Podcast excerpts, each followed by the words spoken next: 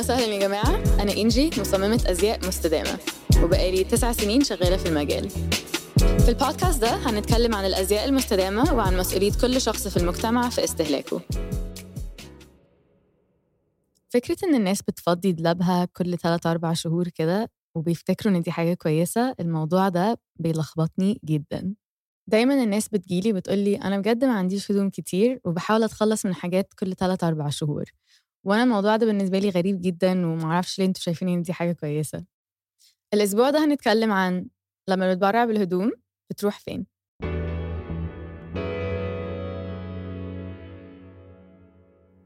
خلينا نفكر في الموضوع بالطريقة دي. تخيلوا لو اضطريتوا تخلوا كل الهدوم اللي اشتريتوها في حياتكم في بيتكم الموضوع هيبدأ يضايقكم صح؟ دايما لما بنيجي نفضي دولابنا بيبقى عندنا ثلاث أكوام الحاجات اللي بنخليها والحاجات اللي بنتبرع بيها والحاجات اللي بنرميها تماما. غالبا بنتبرع بالحاجات اللي هي لسه حالتها كويسة. ولناس كتير ساعات بتكون حاجات ملبوسة يعني كام مرة بس وبعدين بيتبرعوا بيها عشان زهقوا منها خلاص. وبعدين الحاجات اللي بنرميها بتبقى خلاص يعني تقريبا مثلا اتبقعت أو اتقطعت فبنضطر إن إحنا نرميها. بس في الحقيقة أي حاجة اشتريتوها في حياتكم لسه موجودة. لسه هنا. على الأرض معانا بس إن هي يعني ما بقتش مشكلتك بقت مشكلة حد تاني. في كذا مكان الهدوم بتروح فيها لما بنتبرع بيها. على حسب الإحصائيات حوالي 60% من الهدوم اللي إحنا بنتبرع بيها بتروح مكب النفايات يعني زبالة. أكوام وأكوام من الهدوم في الزبالة. 18% منها بتتحرق بس هنرجع للموضوع ده بعدين. وتقريبا 4% بتتصدر وحوالي 14% بيتعاد تدويرها. خليني أشرح لكم الكلام ده كله معناه إيه. خلينا نبدأ بموضوع الحرق ده. قريت في مقالة من BBC Earth إن عدد المصانع اللي بقت بتحرق الهدوم زادت بشكل فلكي. بيقولوا إن دي أحسن وأرخص طريقة إن هم يحافظوا على حصريتهم.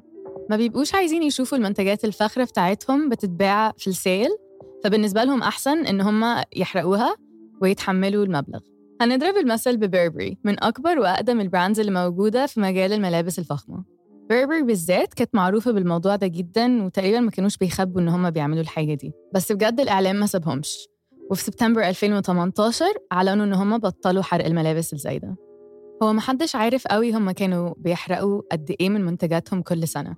بصوا أنا فاهمة وجهة نظرهم ومصدقاهم. هي فعلا ممكن تكون أحسن طريقة إن هم يحافظوا على حصريتهم وإن هم ما يضطروش إنهم يبيعوا الملابس الفخمة بسعر قليل. بس حقيقي حرق الهدوم عنده عواقب سلبية جدا.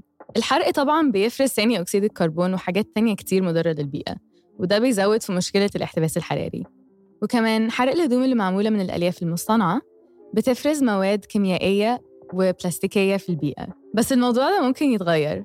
خلينا نتخيل لو الشركات والمصانع عندها موارد إن هم ياخدوا الهدوم اللي ما اتباعتش ويفكفكوها ويعيدوا تصميمها وبعدين يرجعوها في السوق تاني. بس خلينا نرجع للموضوع ده بعدين.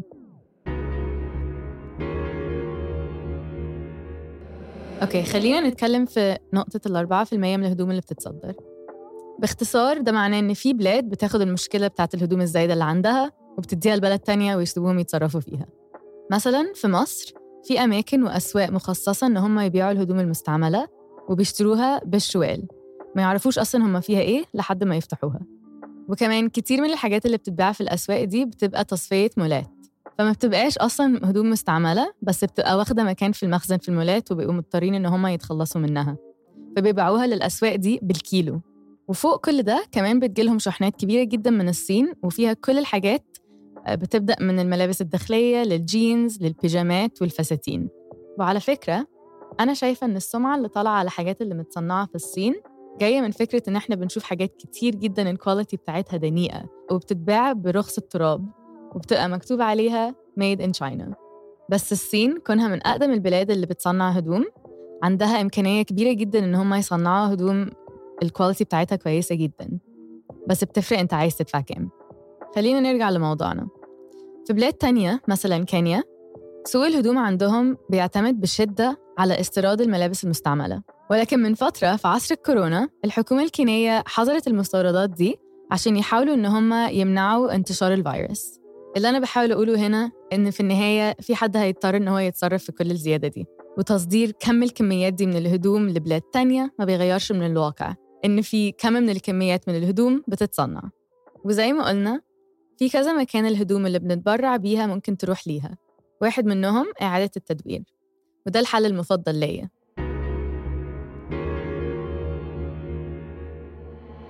حاليا ما فيش تقريبا غير 12 ل 14% من الهدوم عالميا بتتعاد تدويرها المشكلة إن كل قطعة من الملابس بتحتوي أكتر من نوع من الألياف.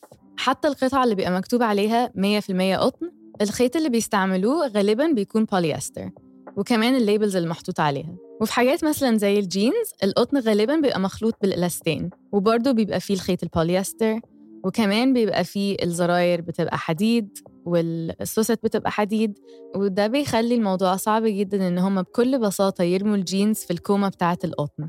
بيضطروا إن هم يفكفكوها كلها ويفصلوها بنوع الألياف وبنوع الخامة. فأنا بصراحة ممكن أفهم ليه هم مش بيفضلوا الطريقة دي إن هم يتخلصوا من الهدوم الزايدة. لأنها بتحتاج موارد أكتر وأكتر. بس في النهاية أول ما فعلا بيفكفكوها ويفصلوها بتروح بعد كده في طريقين كمان مختلفين. أول طريق إن هي ممكن تتعاد تدويرها ويتعاد تصميمها وده معناها إن الحاجات لما بتتفكفك ممكن بعد كده تتقص وبيخترعوا منها حاجة جديدة. وده غالبا بيخلق قصاقيس كتيرة. والقصاقيس دي ممكن تروح في المفرمة. بواقي القماش أو القصاقيس دي لما بتتفرم بعد كده بياخدوها وبتتغزل وبيتعمل منها خيط. والخيط ده بيتنسج وبيتعمل منه قماش. وبعد كده القماش ده ممكن يتاخد ويعملوا منه هدوم جديدة. وعلى فكرة أنا من كام شهر صممت كام حاجة كانوا معمولين من القطن اللي متعاد تصنيعه. عملت حاجة لذيذة جدا. دلوقتي بقى في إمكانية إنك تعمل file على الكمبيوتر ودلوقتي ال file ده بياخدوه ويبعتوها المكنة. بتقدر تقرأ ال file ده وبتطبع الهدوم بالظبط زي ما ال printer بتاعت الورق بتطبع. ما علينا. آخر حاجة هنتكلم فيها في المية اللي بتروح على الزبالة حتف.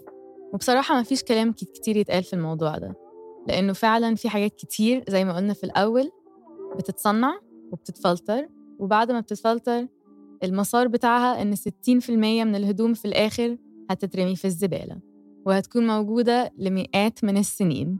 القطن والصوف والحرير ممكن مع الوقت الألياف دي بتخرب. بس البوليستر والنايلون الحاجات دي بلاستيك في النهاية وهتفضل موجودة على مدى الحياة.